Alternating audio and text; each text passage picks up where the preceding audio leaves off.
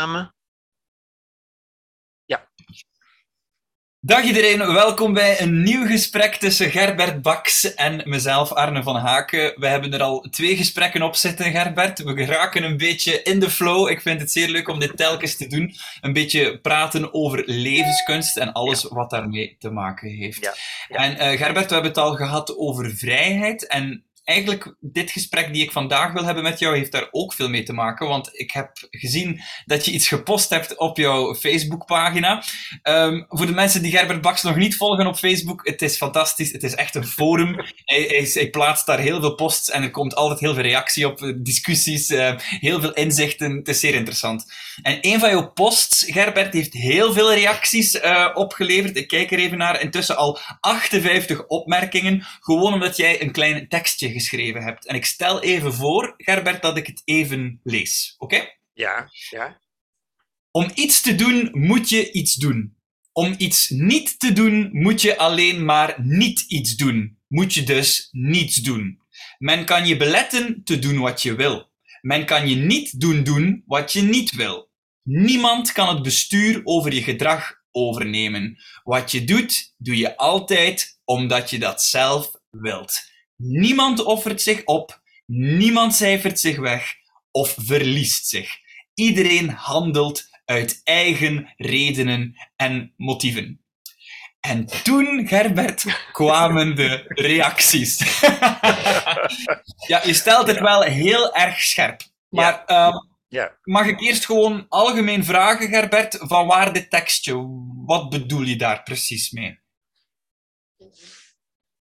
Ja, ik, ik bedoel er eigenlijk mee dat mensen vaak niet beseffen dat zij dat wat zij doen eigenlijk altijd uit hen komt. Ja? Ik bedoel ermee dat ze vaak zeggen dat ze dingen doen vanwege omstandigheden, omdat ze daartoe verplicht zijn, of omdat ze niet kunnen weerstaan, of, of iets dergelijks. Ja? Maar ze, ze zeggen dat, dat fameuze zinnetje dat mensen vaak gebruiken, ik was toen niet mezelf, of het was sterker dan mezelf. Dat, vind ik altijd heel merkwaardig uiteindelijk. Ja? Want als je zegt, ik ben, ik ben niet mezelf, mensen zeggen dat vaak en dan heb ik vaak de neiging van te zeggen, ha, en met wie heb ik dan de eer? Mm-hmm. Want als je niet jezelf bent, wie, wie zou je dan wel zijn? Ja, ik En- hoor en, vooral... Hoe zou je dan kunnen uitmaken wanneer je wel jezelf bent? Wie maakt dat dan uit? En zie je, dat, Ja. is, dat is een eindeloze wolk van gedachten waar je nooit meer uitkomt. Hoe kun Ja, je ik hoor vooral- weten ik- dat je... Ik, ik hoor vooral weer spelen met, met taal daarin. Ik ben, ik ben niet mezelf, waarmee er bedoeld wordt dan, ik, ik doe normaal anders, of ik voel me normaal anders, of ik heb op dat moment geha- gehandeld op een manier dat ik normaal eh, mezelf niet zou zien doen. Maar wat ik daar vooral in hoor, zijn excuses. Hè? Als iemand dat zegt, ik was mezelf niet, ehm, al dan niet gevolgd door een excuus van het spijt me, ik was mezelf toen niet. Ehm, ja, ik hoor daar vooral excuses in. Dus een- met andere woorden, een, een niet opnemen van verantwoordelijkheid of zo. Zeer juist, absoluut, absoluut. En mensen zeggen dat vaak, wat je, wat je daarnet zei, van dat, is, dat is een spelen met taal, zeggen mensen dan. Van, je pakt mij op mijn woorden of zoiets. Maar Mhm. ik denk dat we taal heel letterlijk moeten nemen, want het, onze taal is ons bewustzijn. En inderdaad, als mensen zeggen, ik was niet mezelf, dan is het, er is daaronder verstaan, dan bedoelen ze daarmee, ik ben niet verantwoordelijk voor wat ik gedaan heb, want ik heb het niet gedaan, want ik was niet mezelf. Ja, ik was, ik was niet aanwezig. Ja, ja. Ik, ik, ik was er niet. Ja? Dus, dus als je daar dan op doordenkt, ja, dan, dan zeg je, maar wie heeft het dan wel gedaan? Heeft dan iemand anders de controle over jouw spieren overgenomen of zo? Heeft, heeft iemand een afstandsbediening waarmee hij jou kan sturen of zoiets? Dat Mhm. wordt toch volkomen absurd, ja? Ja. En Je ik je denk dat je uit die, ja, ik denk dat je uit die absurditeit alleen maar kunt uitkomen door gewoon ervan uit te gaan, je bent Mhm. altijd jezelf. Het enige wat je niet kunt, is niet jezelf zijn. Je, je kunt die zin wel uitspreken, hè, maar die kan niks betekenen. Ja? Dat is zoals, zoals ik soms zeg in de wiskunde, een deling door nul. Hè? ja, je weet dat een deling door nul, dat, dat mag je gewoon niet doen. Hè? Je Hmm. kunt dat wel opschrijven en dat lijkt normaal voor iemand die het niet weet. Maar je weet, als je dat toelaat, dan, dan valt heel je wiskunde in elkaar. Dan kun Dus je wil, zeggen, vanaf, je wil zeggen, vanaf mensen beginnen dus te spelen met taal of taal beginnen te gebruiken op een absurde manier, hè, op een manier waarop dat je zegt van ja, zo kan je eigenlijk rond alles dingen wikkelen, dan zeg je eigenlijk nee, de, de, de enige uitweg is ehm, wat je zei. Van te zeggen van, dat mag je niet denken, dat mag je niet Dat geloven. Ja? Ja. Je moet ervan uitgaan, denk ik, dat je altijd jezelf bent.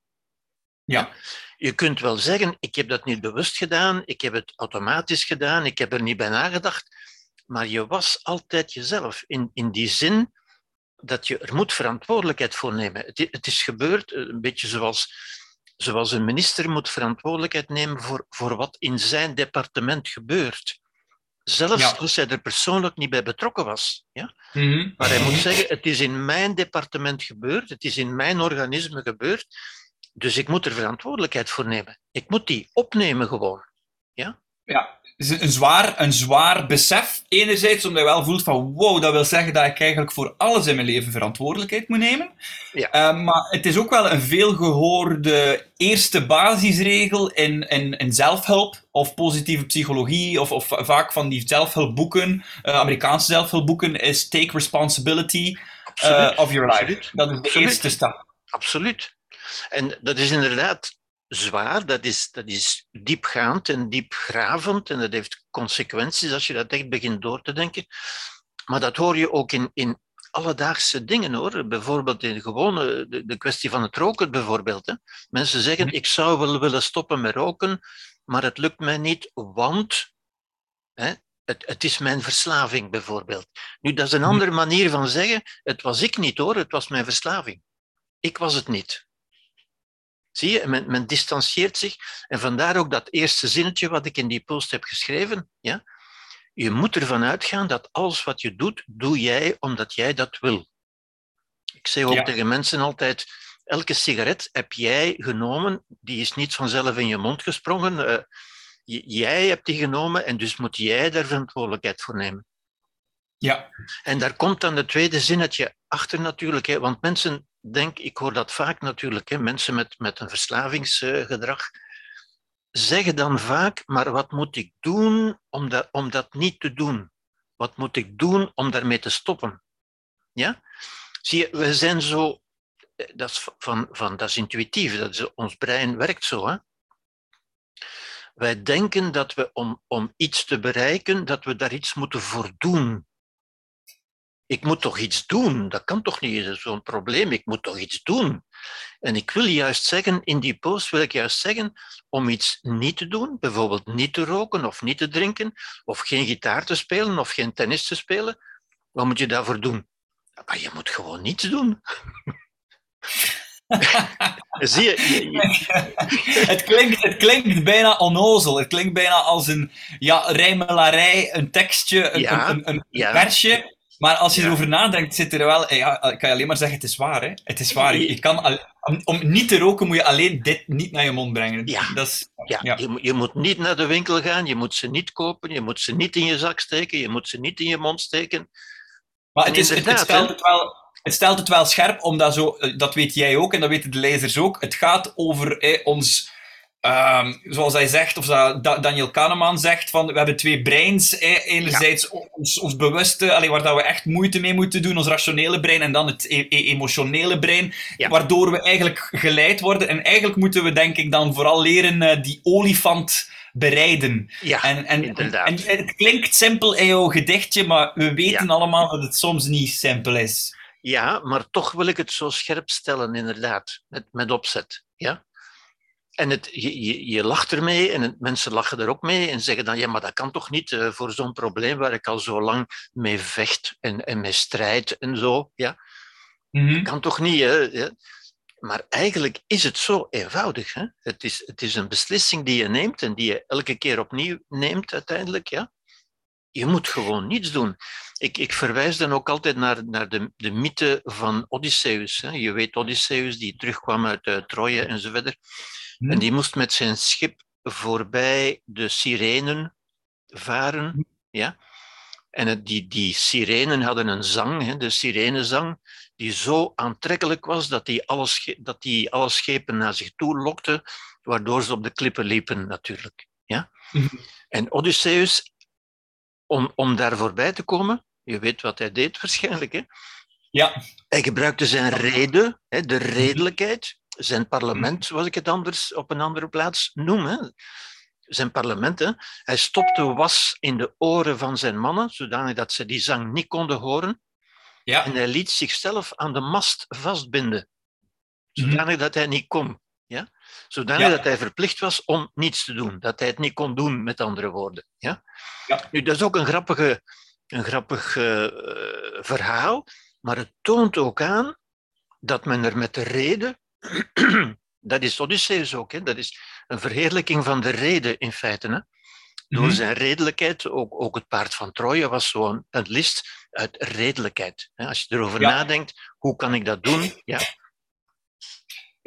Oh, en dan een hedendaags verhaaltje om daar tegenover te zetten. Chris Rock is een eh, heel bekende stand-up comedian.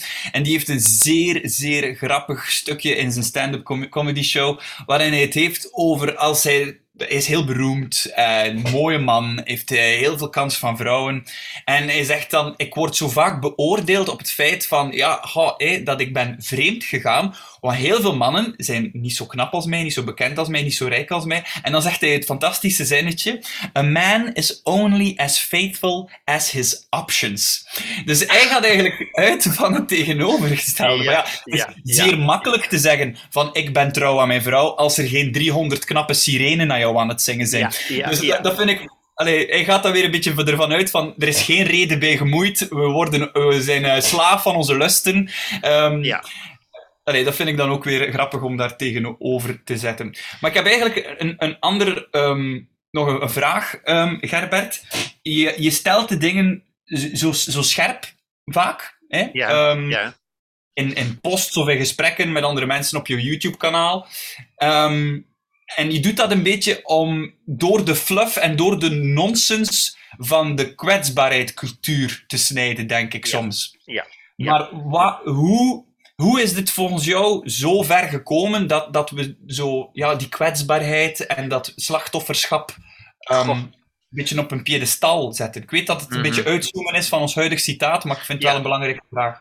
Natuurlijk dat een belangrijke vraag. Dus het is een beetje een ander onderwerp, maar dat is natuurlijk belangrijk. Ja, ja ik, ik zou zeggen dat is, dat is een beetje ehm, zoals een virus zich verspreidt. Hè. Je weet, gedachten kun je eigenlijk beschouwen als, als virussen, hè, die van, de een, van het ene brein in het andere overgaan en die de breinen besmetten, zogezegd. Ja.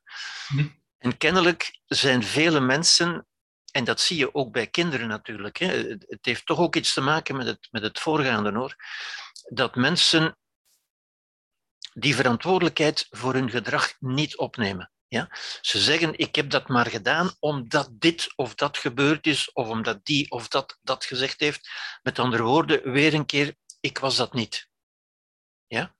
En ik denk dat dat gedrag, dat, dat virus, die memen, zoals men dat ook noemt, hè, memen uh, afgeleid van genen, zoals genen. Genen zijn biologisch, memen zijn, zijn spiritueel, zijn mentaal. Ja? Maar die besmetten ons ook. Maar ik denk dat die ons maar kunnen besmetten omdat we daar zo gevoelig voor zijn. En die gevoeligheid zie je ook al bij kinderen. Ja? Kinderen, een van de eerste dingen die ze ook leren, is van te zeggen, ik was het niet. Ik heb het niet gedaan. Het was mijn broertje of het was iemand anders. Ja? En dat moet je kinderen niet aanleren. Ja? Nu, zo'n dingen, dat is opmerkelijk om dat te zien en daarover na te denken. Want dingen, patronen, gedragspatronen die kinderen doen zonder dat je dat moet aanleren, daarvan moeten we aannemen, kunnen we niet anders dan aannemen, dat die in ons ingeprogrammeerd zijn. En dus ook bij volwassenen nog aanwezig zijn. Ja? Mhm. Dat, is een, dat is een heel makkelijk iets. Hè? Als de fiscus u op iets, uh, dan zegt hij, ja, maar het was mijn schuld niet, het was mijn boekhouder, of het was mijn dit of mijn dat. Dat hoor je ook voortdurend op, op in de media natuurlijk.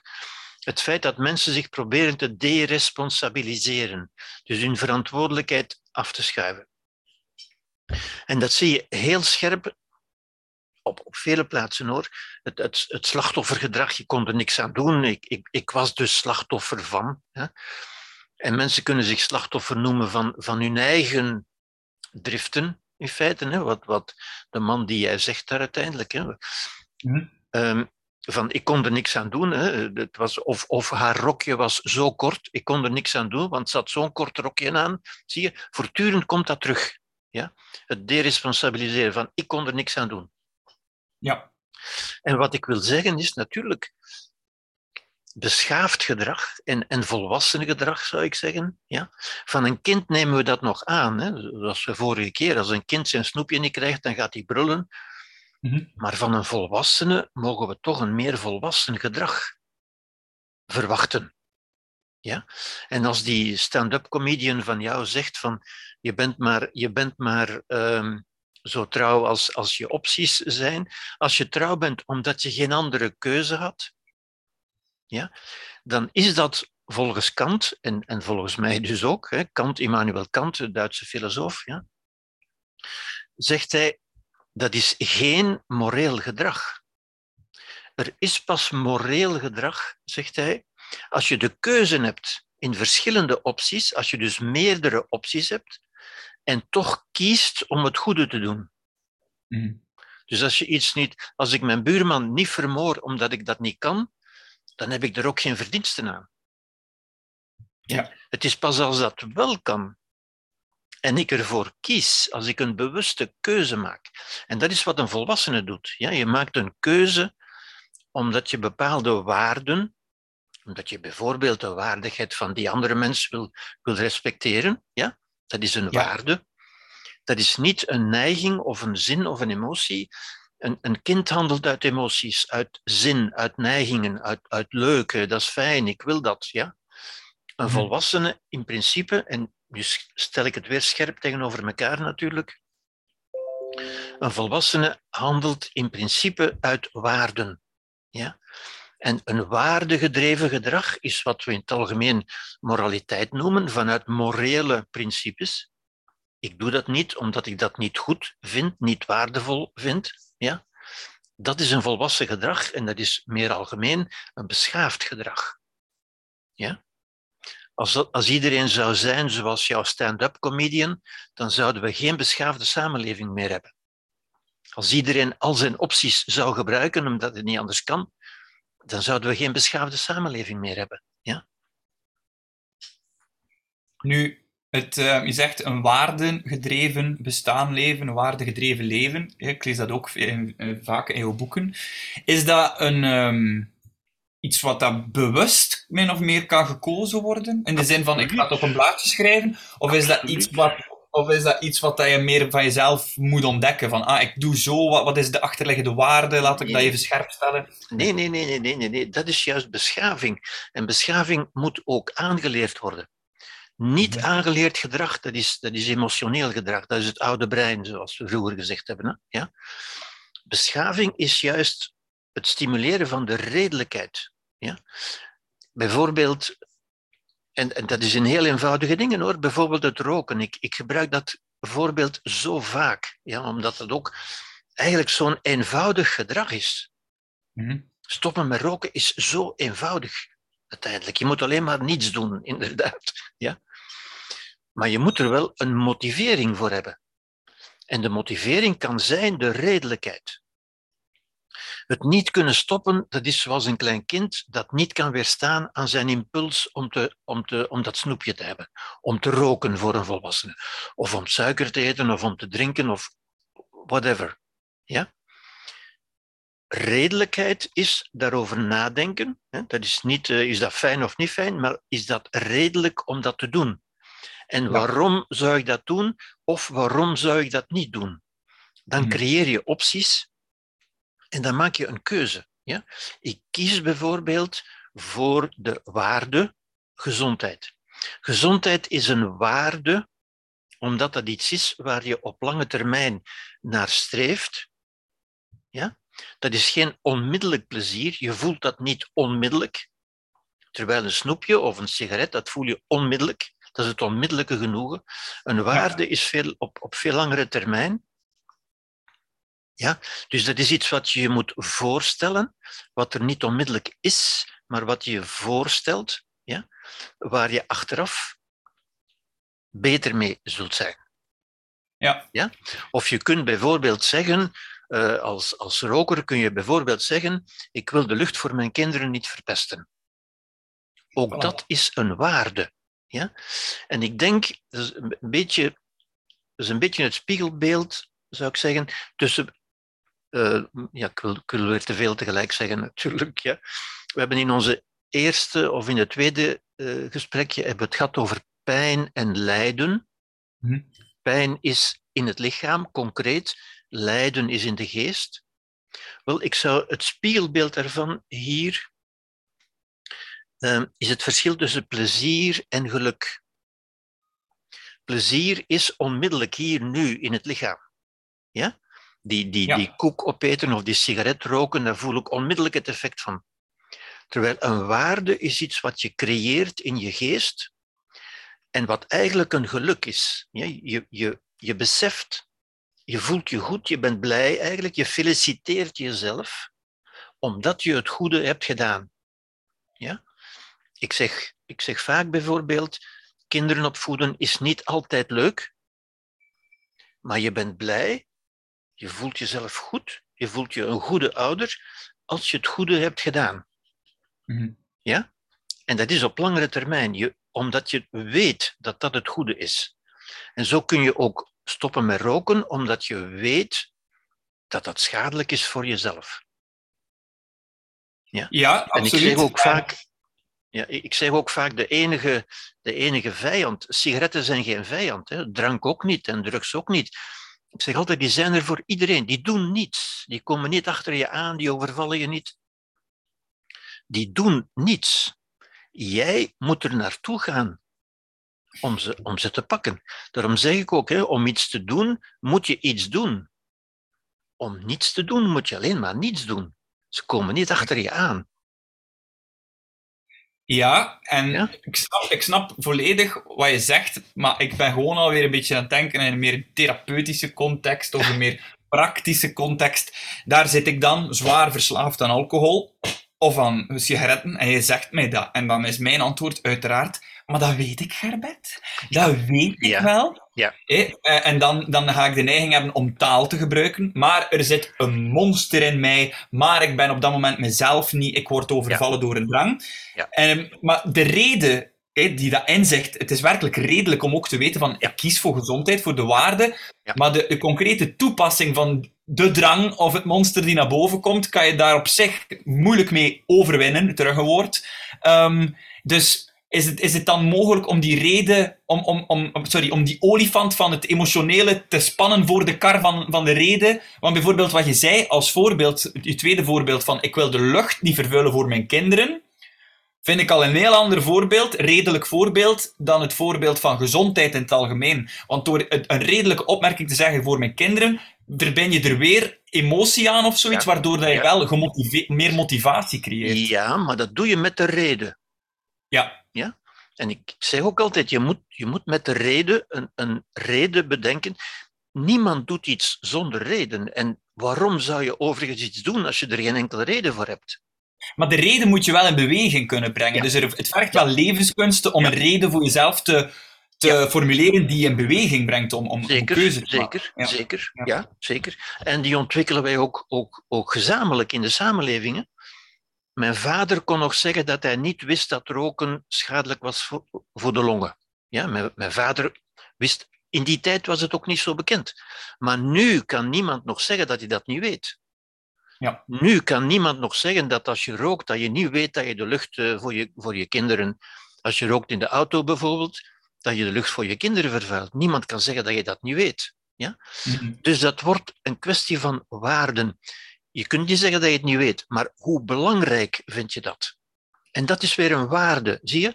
De gezondheid van mijn kinderen is voor mij belangrijk. Ik hecht daar waarde aan. En dan wordt dat ook, dan, dan brengt dat een emotie op gang die op zijn beurt een gedrag op gang brengt. Ja? En je kunt, dat, je kunt dat dus wel natuurlijk. En ik heb ook talloze voorbeelden van mensen die van de ene dag op de andere gestopt zijn met roken, die heb ik veel. Maar ook met andere drugs, omdat ze plots een reden zagen om dat te doen. Een motivering, zoals men dat in de psychologie noemt. Maar dat is, een motivering is alleen maar een goede reden om het te doen. Iets wat voor jezelf belangrijk genoeg is. Ja? Ja. En dat is weer een beetje het, het spiegelbeeld met wat we nog een keer gezegd hebben. Een fobie bijvoorbeeld. Hè? Een Mhm. fobie is ook bijzonder sterk. En daar zeggen mensen ook, wat jij nu net ook zei, van ja, maar ik weet dat wel. Ik weet wel dat dat dwaas is of idioot is, maar ik kan, ik kan niet anders. Mhm. En dan zeg ik inderdaad, ja, maar je kunt met de reden je emotionele brein, dat, dat dierlijke brein in ons, geleidelijk trainen, leren om dat toch te doen. Ja? Ik ben zo blij dat je zegt geleidelijk aan Ja, trainen. geleidelijk. Want Ja, geleidelijk. zonder, zonder die opmerking erbij, denk ik dat veel mensen zoiets zeggen van oei, ik heb, ik heb geen karakter, ik ben te zwak, want ik weet die Nee. reden wel en het lukt mij niet. Het is, het is wel iets wat dat niet... Ja, ik durf het niet zeggen, want die gaat misschien wel zeggen van... Ik ging zeggen dat niet van de ene dag op de andere noodzakelijk lukt, want Ja. er zijn wel voorbeelden, mensen die ontdekken, ik heb kanker en ze stoppen wel ineens met roken. Of, of, of. Bijvoorbeeld, inderdaad. inderdaad ja? Dus ik weet Dus niet het- goed wat, ik, wat ik daarvan moet vinden. Het kan wel. En ik, ik ken ook vele mensen. Roken is nu een heel gemakkelijke in feite. Ik ken mensen die gewoon. Gewoon maar als ik dat, diezelfde redenering eigenlijk zeg. hè, Als, ik, als ik zeg. De beste reden voor mij, wat dat, wat dat betreft. Waarmee ik ook zelf gestopt ben, nota bene. Ik heb het misschien al gezegd. Is dat ik mezelf idioot begon te vinden. Mhm. Ja. Nu, de, de meeste rokers weten, hè, ze weten dat, ja, dat is idioot, hè, ja, maar, maar ze lachen dat een beetje weg. Ze zeggen, ja, dat is idioot, haha, maar ik, ik kan niet anders, want dat is mijn verslaving. Punt gedaan. Maar het moment dat je jezelf echt idioot begint te vinden, dan stop je daarmee. Ja? Wat ik soms tegen mensen ook zeg, stel dat je jezelf, je ziet jezelf in de spiegel en plots zie je dat je een kledingstuk aan hebt waarmee je idioot lijkt, waarmee je belachelijk bent. Ga je dan ook zeggen, ik moet, eh, ja, maar dat is een gevecht van elke dag om dat niet meer aan te doen en zo?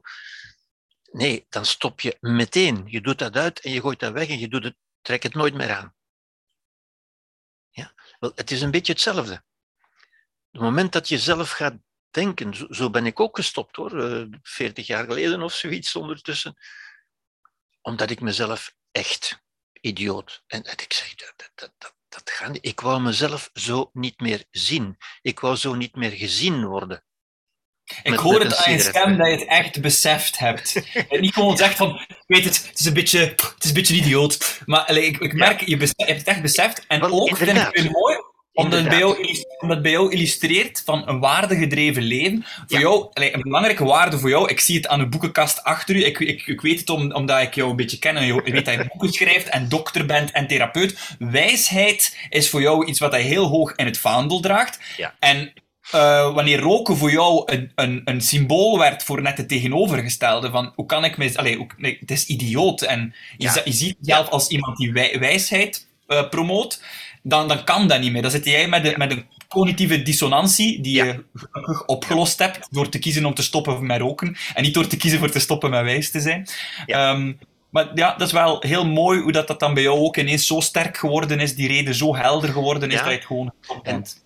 de, omdat je nu op therapie wijst, de, de kunst van de therapie doen, want dat is een kunst, dat is geen, dat is geen wetenschap, dat is een kunst natuurlijk, hè, is van, van woorden te vinden die, die bij mensen ook aantikken, zou ik zeggen. Ja? En een woord waarvan ik vastgesteld heb dat veel mensen het toch belangrijk vinden, Mhm. is het woord waardigheid. Waardigheid. Ja? En dan zeg ik soms, vind je nu zelf dat roken een waardig gedrag is voor een intelligent mens? En vele mensen zullen dan zeggen, ja, eh, dan worden ze ongemakkelijk. Van zeggen, ja, eigenlijk, eigenlijk toch niet. Hè? Dus, als je dat au serieus neemt, hè? Ik, ik zeg dan ook wat ik daarnet ook zei, eh, een sigaret is geen vijand, die valt je niet aan. De enige vijand is de dwaasheid. De enige vijand is de dwaasheid. Als je gaat inzien, dit is een dwaas gedrag, dit is een onnozel, een idioot gedrag, dan stop je ermee. Ja. Dat is mooi gesteld. Ja. Nu, ja, en dat, dat is een waarde, hè? Dat is een waarde, hè? Het, het plezier is onmiddellijk, hè? Van, van het plezier van te roken of van, van te eten of te drinken. Waardigheid is weer iets op langere termijn. Ja. ja. En dat brengt mij terug aan haar tekstje, want je zegt waardigheid. Ik zat direct te denken aan een voorbeeld van bijvoorbeeld...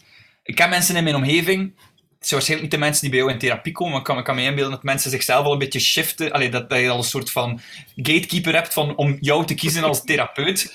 Dat zijn waarschijnlijk wel mensen die, die graag um, over zichzelf denken als iemand intelligent en zo. Dus dan snap ik dat dat werkt, maar ik kan me ook voorstellen dat er mensen zijn die roken. En als je dan zegt van, dat is nu toch geen gedrag voor iemand, een waardig iemand die intelligent is, dat er mensen zijn die zeggen, maar ja, dan ben ik niet intelligent. Hè. Ja, ik, weet, ik, ik, ik, vind mezelf, ik, ik weet het, ik vind mezelf een stomme kloot, Gerbert. Ik heb geen zelfvertrouwen. Ja, dat, dan, dan helpt dat niet natuurlijk soms. Dat is juist, dat is waar, dat is waar. Dat is waar. Ja, dan moet daarom, zeg ik ook, daarom zeg ik ook, de kunst is van woorden te vinden die bij die bepaalde mens aanslaan. Natuurlijk, hè.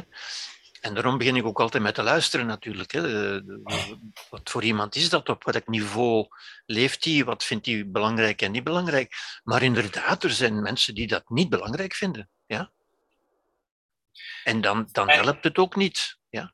Maar als dat niet helpt, dan zal ook niets helpen. Hè? Want niets kan het voor jou doen. En dat zit ook in dat tekstje natuurlijk. Hè? Absoluut. Niemand kan dat voor jou doen. Als jij beslist van, van, van je wil verder roken, daar kan niemand tegenop. Ja. ja. Maar dan moet je ook niet verwachten dat een, dat een therapeut of iemand anders dat voor u zal doen. Dat, dat, dat kan gewoon niet. Je bent zelf verantwoordelijk. Alles wat je doet, elke beweging die je maakt, komt van jou. Ja? Misschien ken je de, het boek of heb je ervan gehoord. Uh, Jocko Willink. Ik, ik, luister veel Amerikaanse podcasts, dus mijn excuses daarom dat het vaak Amerikaanse voorbeelden zijn. Maar die heeft een boek geschreven, dat is een ex-militair, uh, elitesoldaat. Uh, echt zo, weet wel, het, het, het het archetype van de Rambo, waar in Amerikaanse cultuur wel naar opgekeken wordt, van iemand die weet van, van handelen en die gevaarlijke missies gedaan heeft. Maar die heeft een boek geschreven, hij heet Extreme Ownership. En hij zegt van, het reden dat ik een goede operator was in het veld, was omdat elke SEAL, dat waren de SEALs, elke elite-soldaat, extreme ownership neemt over alles wat er rond hem gebeurt. En van daaruit heb je een plaats om geen leidend voorwerp te zijn, maar een handelend... Uh, ja. ja. Dat is wel iets wat, wat, wat dat is iets waar jij dan ook wel, allee, absoluut. jij ook onderschrijft dan. Ja. Absoluut, absoluut. Ja, ownership, uh, ja, dat is, dat, is een, dat is een mooi woord eigenlijk. Dat wil zeggen het, het je toe-eigenen. Eigenaar worden, hè, zoals ik in een van mijn boeken ook wel eens geschreven heb, eigenaar worden van je leven in plaats van huurder. Mooi. Mooi. Dat staat in een van mijn boeken hoor. Uh, ja. En het, dat is inderdaad helemaal dat wat je zegt. Hè? Dus helemaal verantwoordelijkheid opnemen. Ja? Is dat een, niet... een... Ja? Zeg maar. Ja. Nee, ik zou zeggen niet van, van want, want dat is dan het, het modewoord waar je daar straks het ook over had. Hè. Ik kan dat niet, want ik ben zo kwetsbaar. Ja, ja, ja. ja, ja. Dat is tegenwoordig bijna het ultieme excuus, zou ik zeggen. Hè. Ik ben zo kwetsbaar, ik ben zo gevoelig ook. En, en, en, en je moet begrijpen, ik kan dat niet. Ik ben getraumatiseerd in mijn jeugd en nu ben ik zo kwetsbaar en zo. En dan wordt iedereen geacht van, van het voorhoofd in diepe fronsen te trekken en, en met veel empathie uh, toe te kijken. Maar dat is ook zo. Ik heb, ik heb vaak zo, als ik met iemand babbel, een vriend, uh, iemand die, die mij genegen is, en we zitten over een koffie, en die babbelt over iets wat hem overkomen is, wat hij meegemaakt heeft. Dan, een goede vriend is ook iemand die dat toch doet. Of dat, dat lijkt zo, het beeld van een goede vriend, iemand die fronst. Maar dan tegelijkertijd is een goede vriend toch ook iemand die durft zeggen van... Sorry man, tough love, maar get, get your shit together, of ik weet het niet. Ik vind dat soms een moeilijke. Soms moet je mensen... Ja, wie, wie, dat is moeilijk natuurlijk. Ook in therapie is dat moeilijk hoor. Je moet natuurlijk om te beginnen een stukje meegaan met mensen en luisteren naar wat ze meegemaakt hebben, wat ze gedacht, wat ze, wat ze geloven enzovoort enzovoort. Ja. Maar als je iets wil doen, of dat nu als therapeut is of als goede vriend, dat, dat maakt eigenlijk niet uit hoor. Ja. Als je die mens op een of andere manier een stapje verder wil laten zetten, dan moet je hem toch iets zeggen wat hem in eerste instantie niet zo graag zal horen, wat in eerste instantie niet zo warm en sympathiek en empathisch zal zijn. Hè? Ja. En dat wil toch zeggen, dat komt toch ergens neer op, ja vriend, ik heb je gehoord wat je allemaal hebt meegemaakt, maar wat je nu doet, is toch wat jij nu doet. Ja? Want ook dat is die, die, die, die illusie. Dat is niet het verleden ontkennen. Niemand kan zijn verleden ontkennen.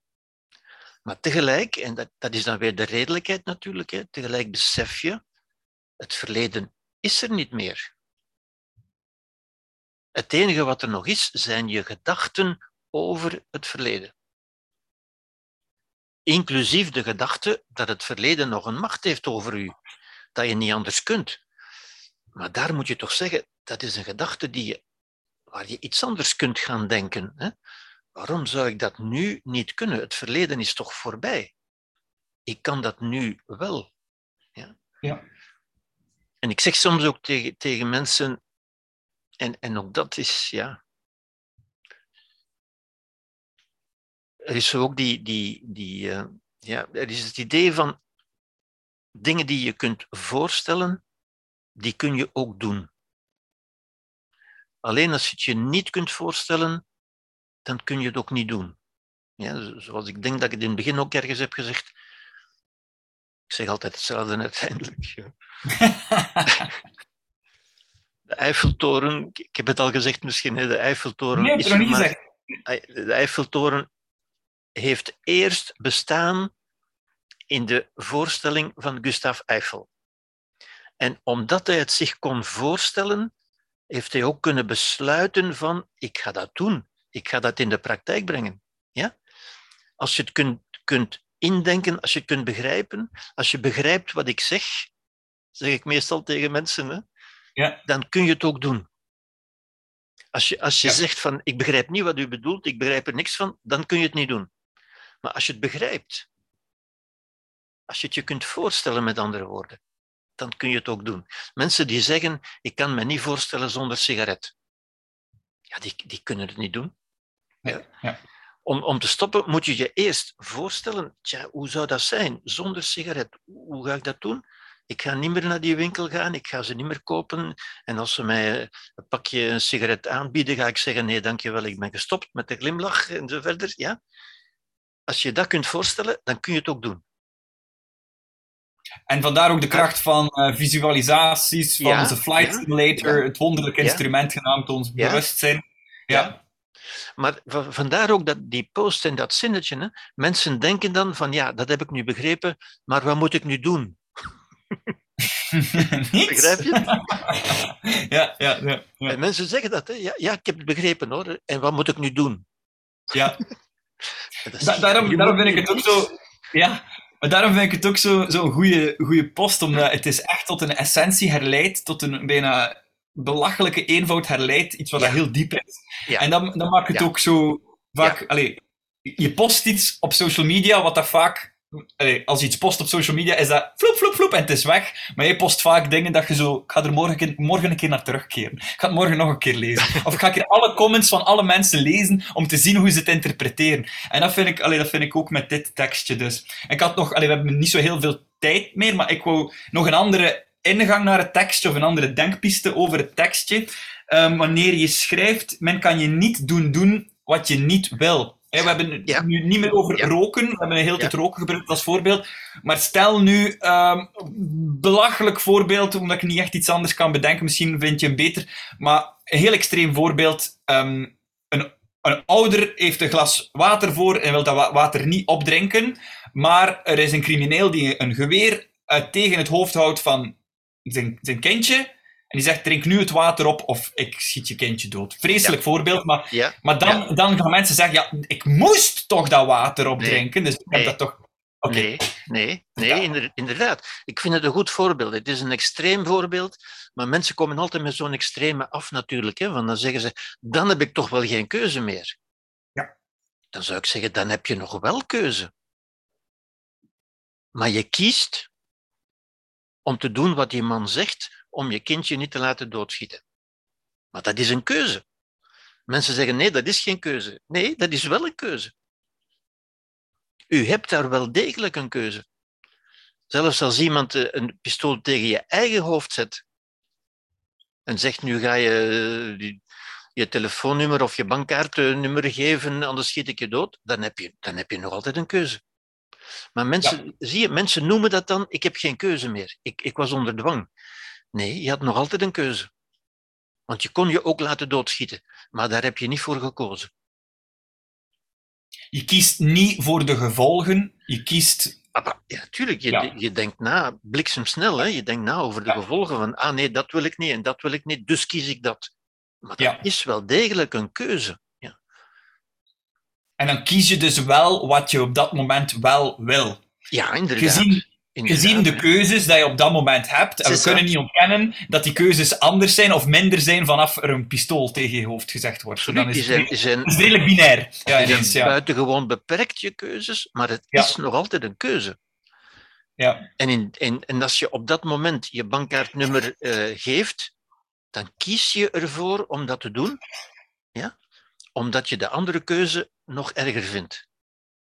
Dus ook op dat moment kan je toch verantwoordelijkheid nemen voor je gedrag. Van, ik heb op dat moment, natuurlijk. gezien de omstandigheden, Sissa. gekozen, ja. bewust gekozen absoluut, voor die absoluut. optie. Je was niet verantwoordelijk voor die omstandigheden natuurlijk. Hè? Dat heb je niet gekozen. Maar in elke omstandigheid ja,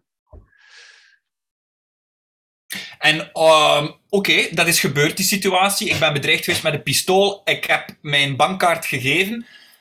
Dan heeft het ook geen zin om achteraf daarover te klagen. Of zo, of te zeggen van dit had niet mogen gebeurd zijn. Um, allee, dat zijn dingen die je niet echt controleert dan. Je kan alleen maar controleren wat hij op dat moment had aan opties. Ik had moeten in een vraag, ik had hem moeten ontwapenen of whatever. Um, allee, ik had moeten proberen dit ja. te weglopen. Ja, dat dan is het gepasseerd. Dat kun je achteraf nog bedenken natuurlijk. Hè. Bedenken, ja, ja. Ja, dat kun je. En dat is bijna onvermijdelijk dat je achteraf gaat denken, had ik geen andere mogelijkheden enzovoort. Maar goed, op dat moment heb je die mogelijkheden gezien en je hebt gehandeld in functie van wat er op dat moment was. Ja, maar de reden dat ik zeg van achteraf is omdat ik me afvraag of dat er ergens in dat verantwoordelijkheid nemen ook geen redding zit van dergelijke gedachten achteraf. Of een der... als, je, als je verantwoordelijkheid neemt, bespaar je jezelf dan ook niet van uh, achteraf scenario's als zijnde van... Um, uh, ik weet het niet. Nee, misschien niet. Niet helemaal, denk ik. Ik denk dat het onvermijdelijk is dat je denkt van, ik, god, ik had ook dat nog kunnen doen, ik heb er niet aan gedacht. Maar dan kun je alleen maar zeggen, je, je, je was verantwoordelijk, maar je bent daar niet schuldig aan. Ja? Je hebt niet het kwade willen doen. Je bent schuldig als je het kwade wil doen. Ja? Je deed op dat moment wat je kon doen met de middelen die juist, je had. Zo. Juist, en met de middelen en met, met de gedachten en met de mogelijkheden die je toen gezien hebt. Ja? Ja.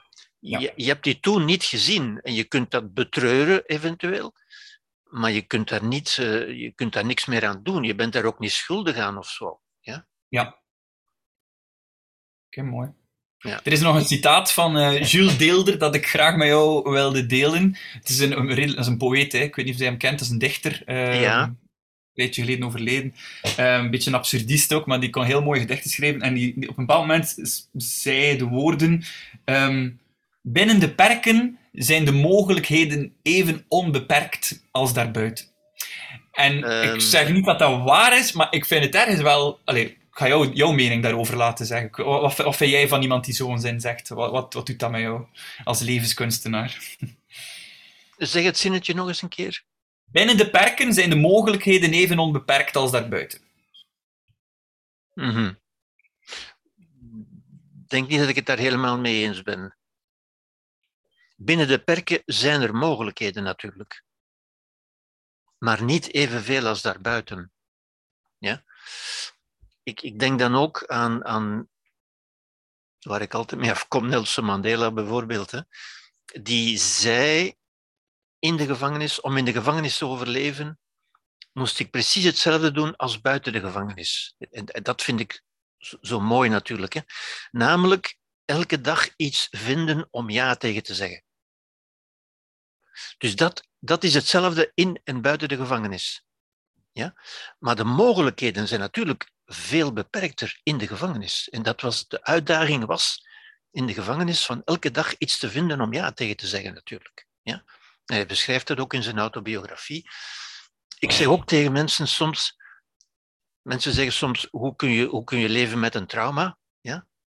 Wel, dan zeg ik, leven met een trauma is hetzelfde als leven zonder een trauma. Namelijk, je moet nu iets vinden om ja tegen te zeggen. Je moet een toekomst creëren, een visie, een waardegericht leven, in feite. En dat moet je creëren, ongeacht of je trauma's hebt gehad of niet. Maar dat is dan weer iets, en dan komen we weer op wat je daarnet ook zei. Mensen zeggen dan vaak, ja, maar ik ben een slachtoffer van mijn trauma en daarom kan ik dat niet. Ik zou dat ook weer omkeren. Ik zou zeggen, het is juist omdat je dat niet doet, dat je slachtoffer blijft van je trauma. Ja? Je blijft aandacht schenken aan dat trauma dat er al lang niet meer is, in plaats van aandacht te schenken aan nu en aan de toekomst. Wat kan ik nu doen? Hoe kan ik een toekomst maken die waardevol is? Ja? En het kan best zijn dat je mogelijkheden beperkt zijn door wat er in je verleden gebeurd is, omdat je studies niet hebt kunnen doen of, of, of iets dergelijks. Dat, dat zal wel zo zijn. Maar niemand heeft alle mogelijkheden, maar iedereen heeft mogelijkheden. Wel, ja, dus ik ben blij dat je dat voorbeeld van Nelson Mandela onder andere aanhaalt, omdat toen ik dat citaat van Jules Deelder vond, was dat ook iets waar ik aan dacht. Het is natuurlijk een radicaal, licht absurd idee. Hoe kunnen de mogelijkheden even onbeperkt zijn binnen de perken als daarbuiten? Het is taal, en uiteraard, maar ik vind het ergens wel een mooie intentie om zelfs als iemand in Mandela op een paar vierkante meter ja. probeert, zegt van hetzelfde doen als buiten die gevangen is, dan is dat voor veel mensen absurd. Hoe kan ik hetzelfde doen als daar buiten? Ik zit in een betonnen kooi. Maar toch, door, dat, is, dat is levenskunst, denk ik. En absoluut, absoluut. Ja, ja. Je, je, je houding, je houding kan dezelfde zijn. Ja. Ook buiten de gevangenis heb je niet alle keuzes. Je hebt niet de keuze om, om jonger te zijn of tot een ander geslacht te behoren of andere studies gedaan te hebben. Je bent altijd beperkt in je keuzes, maar er zijn ook altijd keuzes. En dat is weer waar je aandacht op, op op richt natuurlijk. Hè. Als, je, als je kijkt naar de beperkingen, wel, dan, dan maak je, als je je leven beschrijft als beperkingen, Mhm. dan creëer je een leven van beperkingen. Dan ben je slachtoffer, met andere woorden. Hè. Dat is het zinnetje dat ik schreef daar. De manier waarop Ja. je je leven beschrijft, is de manier waarop je je leven creëert. Ja? Ja, Als je zegt van ik leef nu, ik heb nu mogelijkheden en ik kan een toekomst creëren voor mezelf, wel, dan is dat het leven dat je creëert. Ja? Ook dat is zo'n diep zinnetje hoor. Eh, De manier waarop je je leven beschrijft, is de manier waarop je je leven creëert. Je bent daar niet snel over uitgedacht, denk ik. Nee, laten we er nog maar veel over nadenken. Ja, Gerbert Baks, niemand offert zich op, niemand cijfert Ja? zich weg, ja, niemand verliest zich. Ik heb mij dus vandaag niet opgeofferd om met jou in gesprek te gaan. Ik heb mij niet weggecijferd om met jou in gesprek te gaan. Ik heb mij er niet in verloren, maar ik heb er wel enorm van genoten. Gerbert Baks, wederom enorm bedankt voor een enorm verhelderend en leuk en Oké. inspirerend. Dankjewel, dankjewel Arne. En graag tot de volgende keer.